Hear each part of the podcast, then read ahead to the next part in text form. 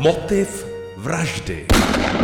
Vítejte u dalšího dílu podcastu Motiv vraždy, který dnes budou spojovat masky, kostýmy a převleky. Vzpomínáte si na film s Belmondem, jak přepadl banku v kostýmu klauna? To byla legrace, to byla bezva finta. Ve skutečnosti to ale žádná sranda není. Za dnešním prvním případem se vydáme na Floridu, do Palm Beach County, luxusní oblasti, kde žijí známí a bohatí. Lidé tu mají i vlastní přistávací dráhy na letadla. Někteří létají za prací helikoptérou. Žila tu i Marlene, která jako velmi mladá porodila dva syny a ve věku 20-20 let byla už podruhé vdaná za Michaela Warnera. Psal se rok 1972. O řadu let později, 26. května 1990, je na Floridě krásné slunné ráno.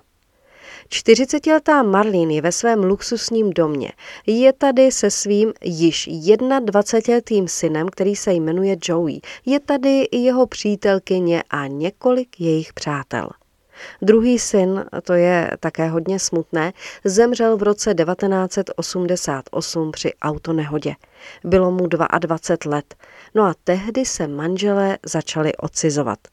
Podle přátel a sousedů byla Marlín tichá, příjemná a také pracovitá žena. Vlastnila zhruba 20 nemovitostí k pronájmu a také pracovala jako inspektor na nákladní lodi. Teď ale zpět do května 1990. Bylo těsně před 11. hodinou 10.51. Pomalu dojídali bohatou snídani. Na příjezdové cestě se najednou objevil bílý sedan. Z něho vystoupil člověk. Člověk převlečený za klauna. Přišel k hlavním předním dveřím, v ruce dva balonky a koš plný květin.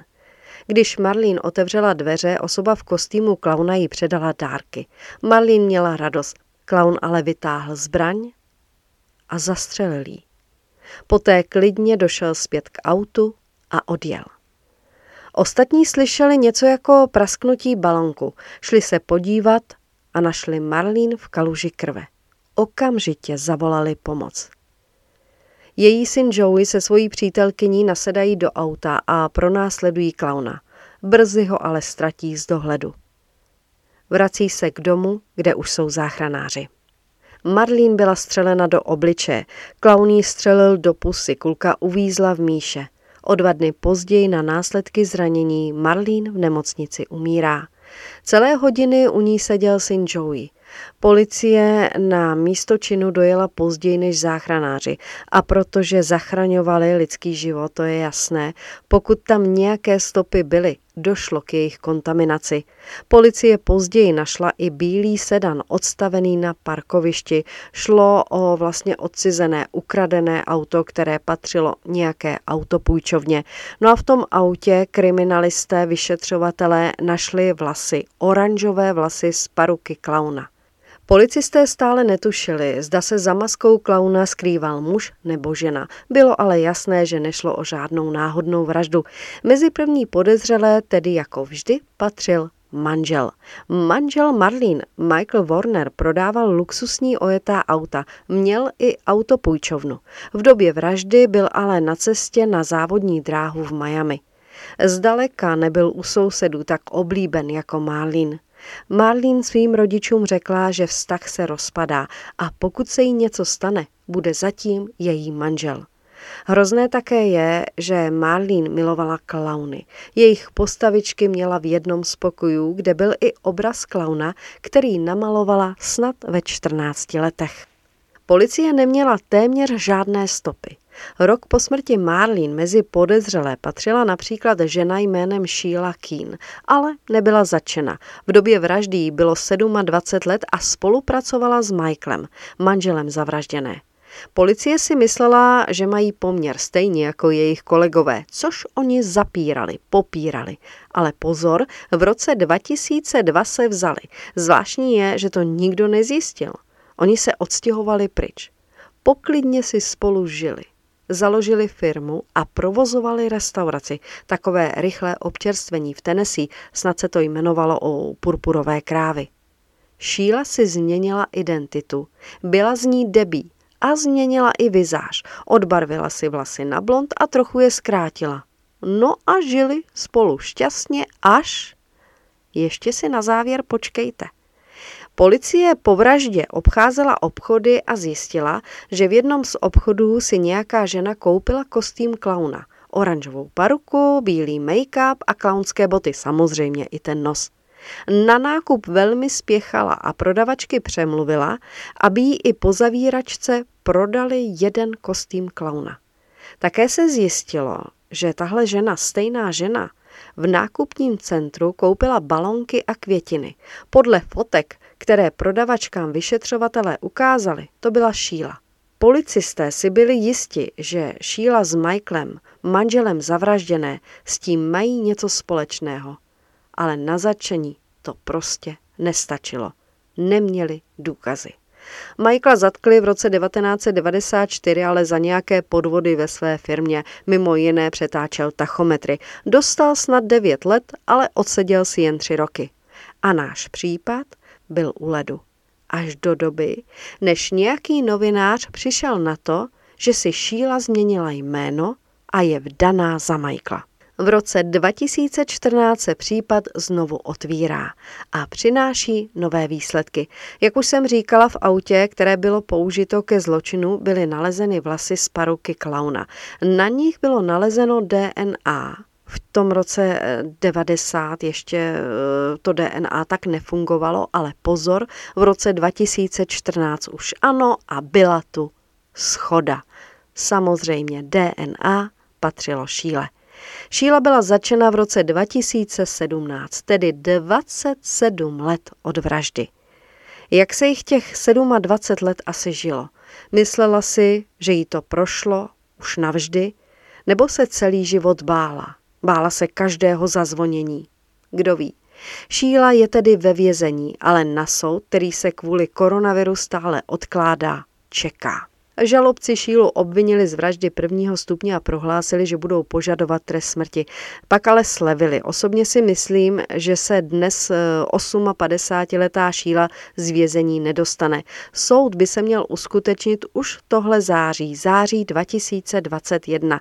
Jakmile budu znát rozsudek, výsledek, budu vás samozřejmě informovat. Michael Warren popřel jakoukoliv účast na smrti mm, své první manželky Marlene a věří i své současné manželce, která stále tvrdí, že s případem nemá nic společného. Asi si říkáte, proč se vraždilo, proč se nerozvedli. No jasně, že kvůli penězům. Z velké části byl totiž majetek napsán právě na Marlin. Fotografie k případu opět na Facebooku i Instagramu jako motiv vraždy. U nás se v maskách v převlecích hlavně přepadá. Mezi oblíbené masky kostýmy jeden čas patřil i převlek za policistu. Byl srpen 2006. Mezi Slavkovem a Rousínem jela bílá dodávka bezpečnostní agentury, která vezla několik desítek milionů korun. Vše vypadalo v pořádku než se před autem objevili muži. No a protože vypadali jako policisté, řidič uposlechl jejich výzvy a zastavil. Ovšem žádná kontrola dokladů je nečekala. Ozbrojení muži v černých policejních kombinézách jim sebrali skoro 80 milionů korun. Při loupeži naštěstí nikdo nebyl zraněn. Řidiče a spolujezdce přesvědčili k poslušnosti pomocí zbraní. Dokonce měli i maketu bazuky. Okamžitě se rozjelo rozsáhlé policejní pátrání. Stopy z místa činu na žádného konkrétního pachatele neukazovaly. Byl vytvořen dokonce speciální tým vyšetřovatelů, přece jen šlo o hromadu peněz. Byly vyslechnuty stovky svědků a bezpečnostní agentura vypsala i odměnu za pomoc při pátrání. Nějací podezřelí sice byli, ale nebyly důkazy. Lupiči si užívali miliony a policie případ odložila. K obratu došlo až v březnu roku 2015, kdy se na jedné skládce na Brněnsku našla mrtvola zabalená v igelitovém pytli. Šlo o mrtvolu muže.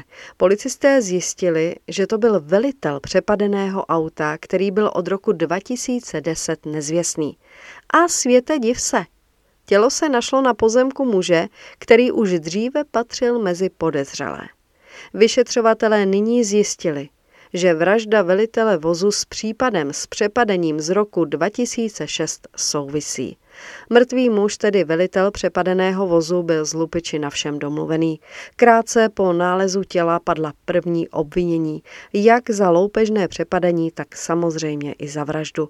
Na policejní stanici skončili čtyři muži. Soud začal v roce 2016 tedy deset let po přepadení. Obviněni byli bratři Roman a Antonín D., dále Jaroslav H. a Jiří B. Přepadení měl vymyslet právě Roman D., který i vraždil. Soud mu napařil 20 let. Jeho bratr Antonín dostal 10 let. Jaroslav H. se měl také účastnit přepadení, dostal 11 let. Čtvrtý obviněný Jiří pomáhal s odklízením těla, za což mu soud uložil 2,5 letý trest ze čtyřletou podmínkou. 35 milionů korun z celkové sumy, pamatujete si, bylo to skoro 80 milionů, se nikdy nenašlo. V roce 2019 došlo k přepadení pošty v Děčíně ve čtvrti Boletice. Tady si Lupič dal na obličej masku z filmu Vřískot a odnesl si několik tisíc korun. Stejnou masku použil i 21-letý mladík z Roudnice nad Labem. E, ten udělal celkem 15 přepadení za dva měsíce. Z heren, zastaváren a benzínek si odnesl téměř půl milionu korun. Většinu peněz prohrál v automatech. Těch přepadení s maskou v řízkot je u nás celá řada. Na západě Slovenska se v letech 2011 až 2013 odehrála série přepadení. Pachatelé v maskách byly to masky Václava Klauze, Arnolda Schwarzeneggera a ta třetí maska to byl Louis de Finé, přepadávala banky. Například z banky ve Smolnici si odnesli přes 2 miliony korun a pak pokračovali. Celkem si přišli na nejméně 521 tisíc eur, tedy na více jak 14 milionů korun. A ještě se na chviličku chci vrátit k těm klaunům. Jeden z nejznámějších sériových vrahů byl John Van Gacy. Jako klaun Pogo bavil děti. Jako Gacy ale 33 mladých chlapců pohřbil pod svým domem. Jde o příběh, ke kterému se vrátíme příště. Teď si dejte teplý nápoj na uklidnění či naopak studený na povzbuzení. Mějte hezké dny a budu se těšit. Naslyšenou. Motiv vraždy se Štěpánkou Šmídovou.